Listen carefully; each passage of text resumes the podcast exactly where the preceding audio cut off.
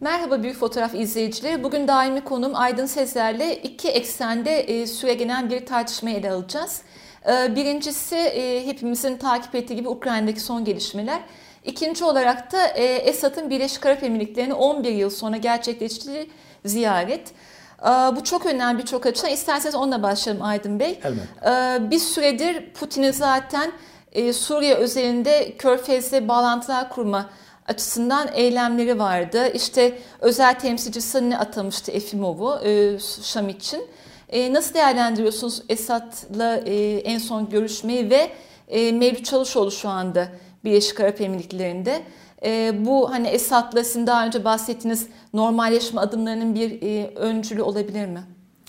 Ee, öncelikle evet olabilir. Ee, bildiğiniz üzere siz de bahsettiniz. Ee, Putin 2020 Mayıs ayında Suriye Büyükelçisini özel temsilci sıfatıyla atadı aynı zamanda.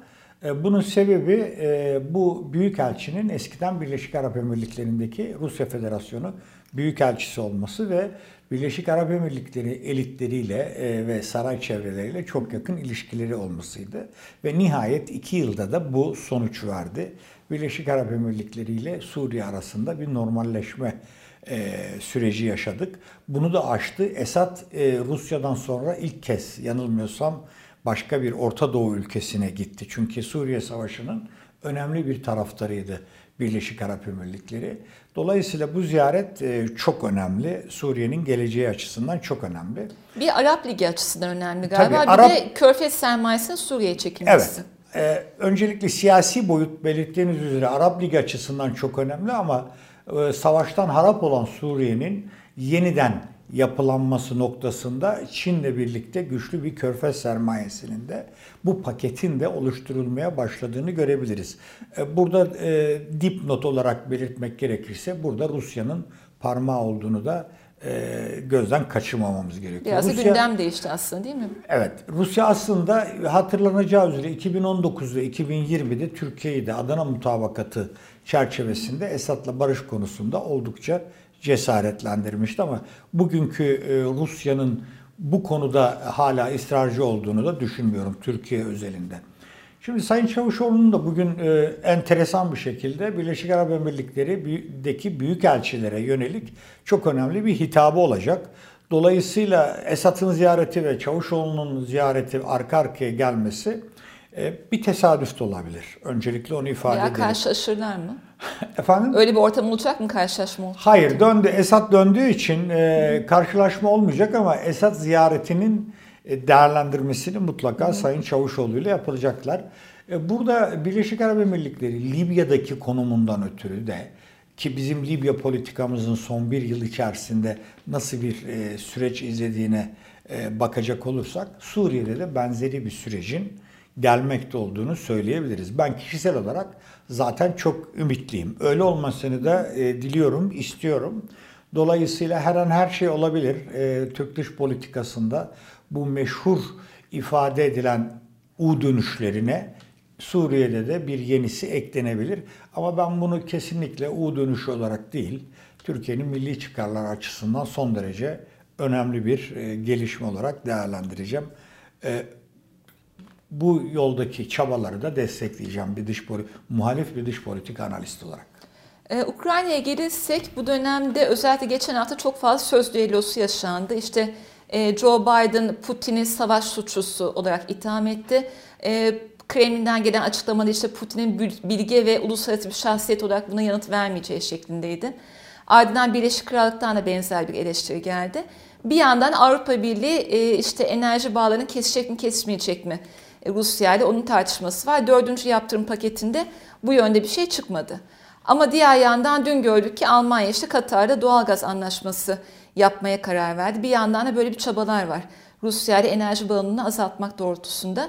Ne dersiniz o moda tabiriyle kartlar yeniden kırılıyor mu enerji konusunda? Ve ABD ile Avrupa'nın enerji yaklaşımı farklı olur mu Rusya ile ilişkilerde? Şimdi bugünkü değerlendirmenin ben e, sağlıklı olacağını sanmıyorum. Zira Avrupa bugün başta Almanya yeşillerin perspektifi çerçevesinde e, bence çok garip hareketler yapıyor. E, gerçekçi olmayan bir takım söylemler ya da eylemler peşinde. Öncelikle bunu ifade edelim. İkincisi Katar enerjisi yeni piyasalara çıkmış bir enerji değil.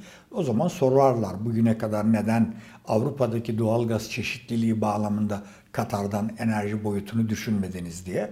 Kaldı ki Katar'dan da enerji ithal ediyor Avrupa. Bir defa bunun altını çizelim. İkincisi e, Amerika Birleşik Devletleri e, çok iyi hatırlayacak izleyicilerimiz Venezuela ile ilgili attığı bir takım adımlar var, yaptırımlar. Hatta eski var. düşmanlar dost mu oluyor? Hatta e, sürgünde başbakan var. Venezuela'nın e, Washington'daki büyükelçiliğinin bir anlamda yeni yönetime devredilmesi var. Yani o kadar e, sert eylemlere maruz kaldı ki hatta abluka var. İran'dan giden petrol tankerlerinin geri çevrilmesine varana kadar. Birdenbire bu Ukrayna ve Rusya olayından sonra e, Venezuela ile görüşmelere başlandı. Demek ki ABD'nin ülkelerle ilgili öncelikler sıralamasında insan hakları ya da demokrasi konusu e, kategorik olarak değişebiliyor. Bir defa bunun altını çizmek lazım. E, Rus enerjisi Avrupa'da her zaman en ucuz enerji olarak kalmaya devam edecek. Bunun altını çizelim. Bu 2030'da işte yeşil mutabakat 2050'ye e, kadar tamamen tasfiyesi gibi e, konuların gerçekçi olmadığını bir kez daha belirteyim. Ama tabii burada Avrupa şanslı. Nükleerin üzerinde oturan bir e, emre amade elektrik enerjisini de kullanıyor. Dolayısıyla hareket sahası daha geniş ama bu doğal gazla ilgili boyut e, bu kadar e, kolay olmayacak.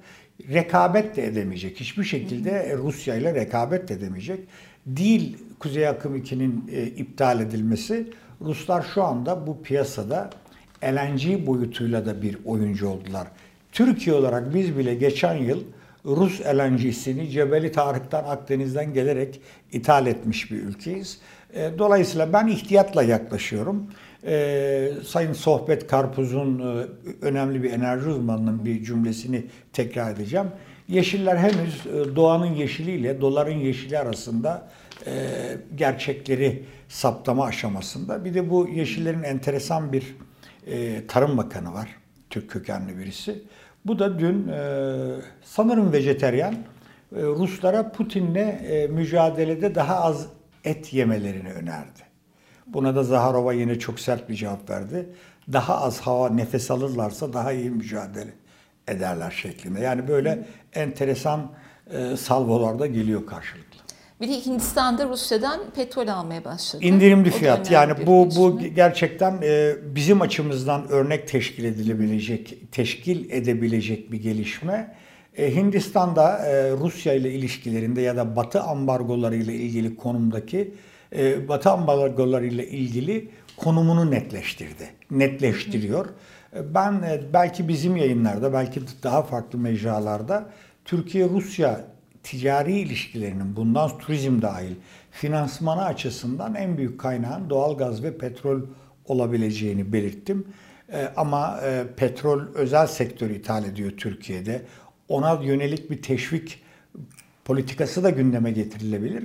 Ama doğalgazda bizim bir an önce hem Türk akımdan gelen doğalgazın fiyatının revizyonu hem de Türk akımdaki atıl kapasitenin doldurularak yaklaşık 5 milyar metreküplük gazın e, alımına yönelik boyutta adım atmamız gerekiyor. Tam zamanı şu anda Rusya ile özellikle Batı ambargoları ile ilgili politikamız çerçevesinde bunun bir an önce yapılması gerekiyor. Ee, bir de Balkanlara geçersek biraz da işte Ukrayna'dan sonra Moldova, Gürcistan, e, AB üyelik başvurusuna bulunmuş Saraybosna Balkanlarda e, ilginç bir açıklamaya sahne oldu geçen hafta. Rusya'nın Saraybosna Büyükelçisi e, NATO üyeliği olursa e, bu iç meseleleri ancak Ukrayna örneğinde beklentimizin ne olduğunu gösterdik dedi. E, tehdit olursa tepki gösteririz dedi.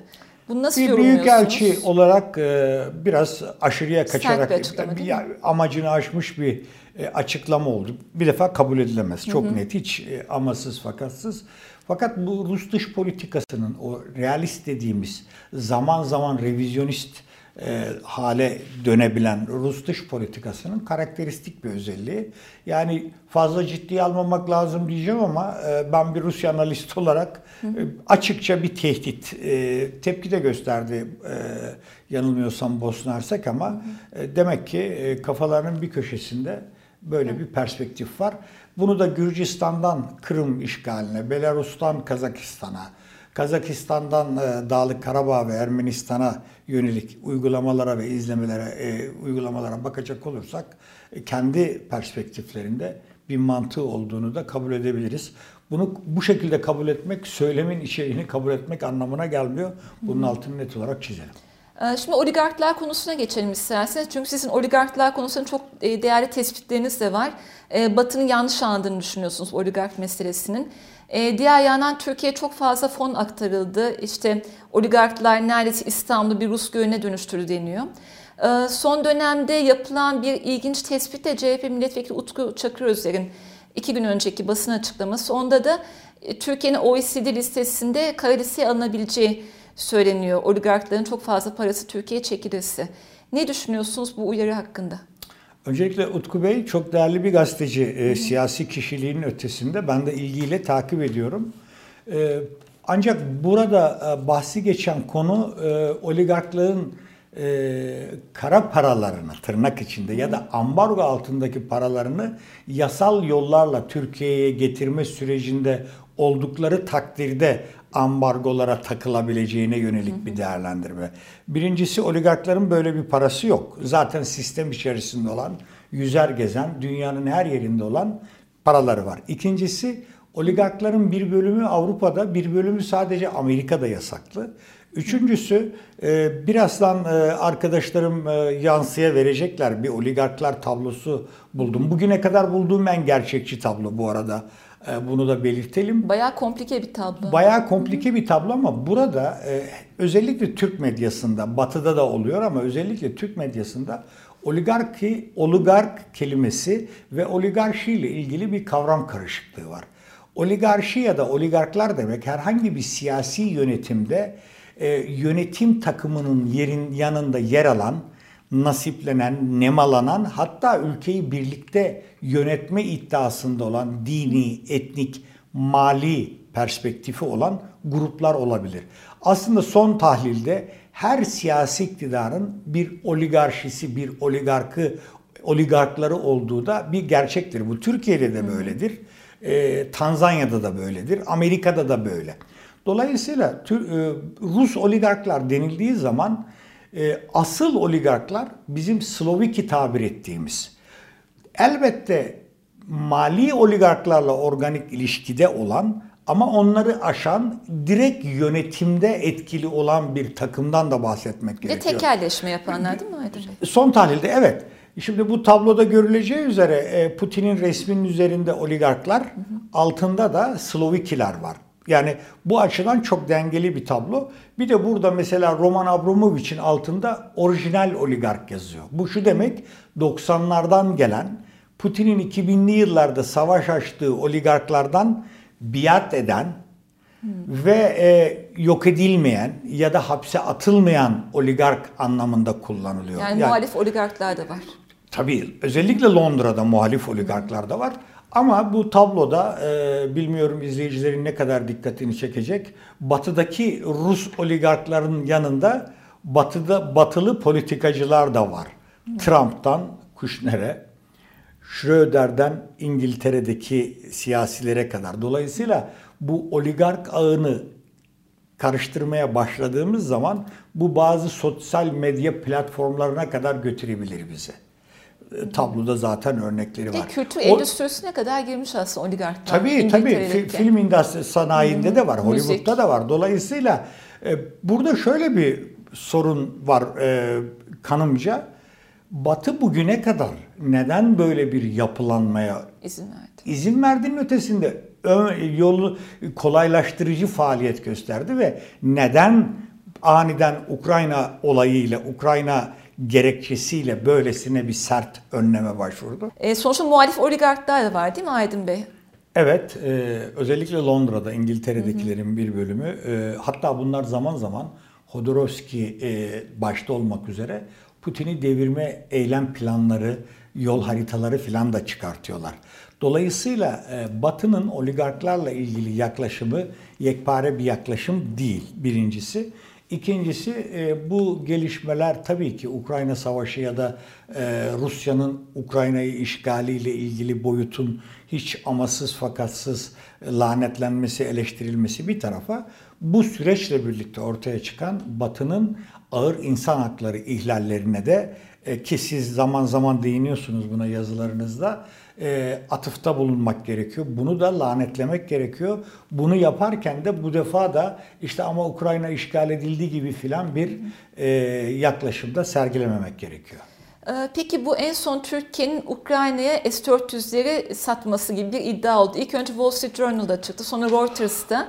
Ee, Türkiye hükümeti şu anda sessiz bu konuda ama birçok uzman da bunun anlamsız bir öneri olacağını söylüyorlar. Siz ne düşünüyorsunuz? Ben de tabii ki anlamsız olduğunu Hı-hı. düşünüyorum. Bu yanılmıyorsam ABD'li bir kongre üyesinin parlak bir fikri olarak gündeme geldi. Hı-hı. Ben bu öneriyi aslında bizim Türk medyasında da daha önce tartışılan S-400'lere Girit modeli tartışmasıyla da evet. e, bir anlamda e, çağrışım yapıyor. Öyle değerlendiriyorum. Bu teknik olarak söz konusu olamaz. Yani Türk Amerika böyle bir ricada bulunsa, Türkiye bunu kabul etse, S-400'ler gemilere yüklenip Ukrayna'ya gitse, kurulsa... Türkiye savaşı bir parçası olur değil mi? O ayrı. O S-400 yine çalışmaz. Ben o iddiadayım. Yani hmm. bir işlev görecek Rus silahlarına, Rus saldırı silahlarına yönelik olarak S-400'lerin işlev görmesi gibi bir durum söz konusu değil. Değil Ukrayna'da, Türkiye'de de değil. Yani Rusya ile savaşa girilse ve biz S-400'leri kullanmaya kalkmamız söz konusu değil. Yani bu realitenin bir defa altını çizmek gerekiyor. Birincisi, Peki aktivasyonu e, Rusya mı yapıyor öyle bir durumda? Aktivasyonun dışında yani yazılım ne kadar güncelleştirilirse güncelleştirilsin, yerli ve milli e, yazılım konusun, dost ve düşman sistemleri ne kadar geliştirilirse geliştirsin eninde sonunda Rusya'ya karşı kullanılamayacak bir silah olduğunu net olarak bir defa kabul etmemiz, etmemiz gerekiyor. İkincisi e, Amerika S-400'leri Ukrayna'ya gönderin demiyordur. Dememiştir. Bu çok cahilce bir söylem. Onu söyleyeyim. O bahsettiğiniz yayın organları bunu neden haber yapıyor? Onun da nedeni herhalde Türkiye'nin bu savaştaki tarafsızlığıyla alakalı süreci dinamitlemeye ya da sabote etmeye yönelik bir hareket olabilir. Başka herhangi bir pratik S-400'leri hatırlatmak açısından. Ama Amerika şunu söylüyor olabilir. O e, geçtiğimiz haftalarda gelen Dışişleri Bakan Yardımcısı hanım şunu S-400 konusuna girdi. Amerika Türkiye'ye S-400'lerden kurtulun diyordur. Demeye de devam edecektir.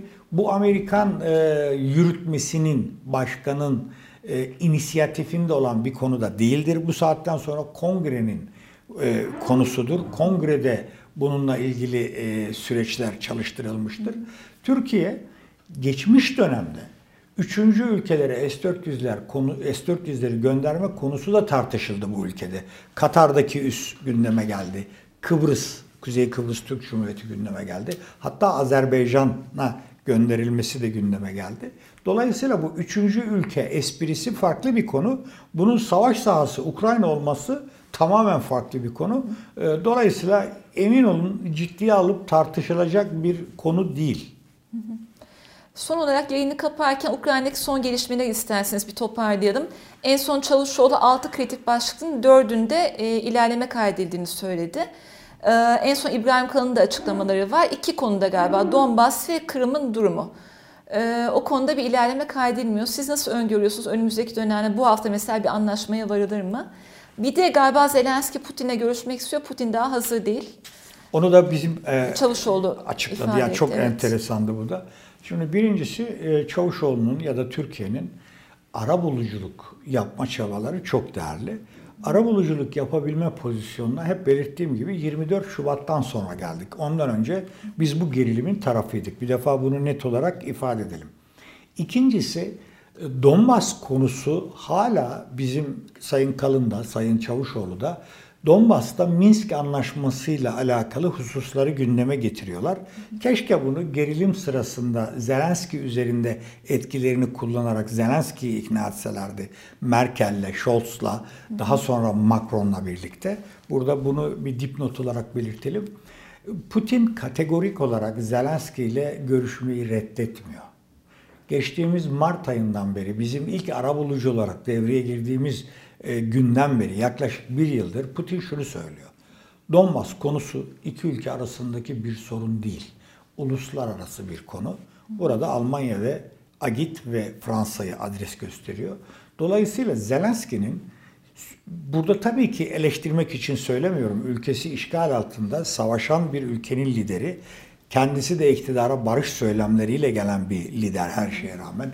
E, e, Zelenski'nin Putin ya da Rusya ya da NATO ya da Avrupa Birliği hatta dün İtalya e, pardon İsrail e, parlamentosuna yaptığı konuşmada da gündeme getirdiği cümlelere bakarak perspektifini netleştirmesi lazım. Yani ne istediğini ortaya koyması lazım. Ne yazık ki Rus medyasında Zelenski'nin bu zikzakları işte bir gün NATO'yu eleştiriyor, ertesi gün NATO bize almayacağını söyledi diyor. Avrupa Birliği yeteri kadar baskı uygulamıyor diyor. E, ertesi gün e, Putin'le görüşmek istiyorum diyor. Bu e, gelgitler, e, tekrar ediyorum, ülkesi işgal altındaki bir lider, ülkenin lideri olarak son derece normal karşılıyorum onu söyleyeyim. Ve Rus medyası bu savaşla birlikte Donbas Savaşı ya da Ukrayna Savaşı'na karşı çıkan Rus halkı Batı ile Rusya'nın savaşını Putin'in yanında satın almış gözüküyor. Bu da son derece enteresan, tehlikeli ve Batı'nın dikkat etmesi gereken noktalardan bir tanesi. Çok teşekkürler e, değerli yorumlarınız için. Önümüzdeki günlerde Hollanda e, ilişkilerini herhalde konuşacağız. Başbakan geliyor Ankara'ya. E, muhtemelen bunu Ukrayna açılımında olacak tabii ikili ilişkilerde. Çok teşekkürler yorumlarınız için. Yeni bir programda görüşmek üzere.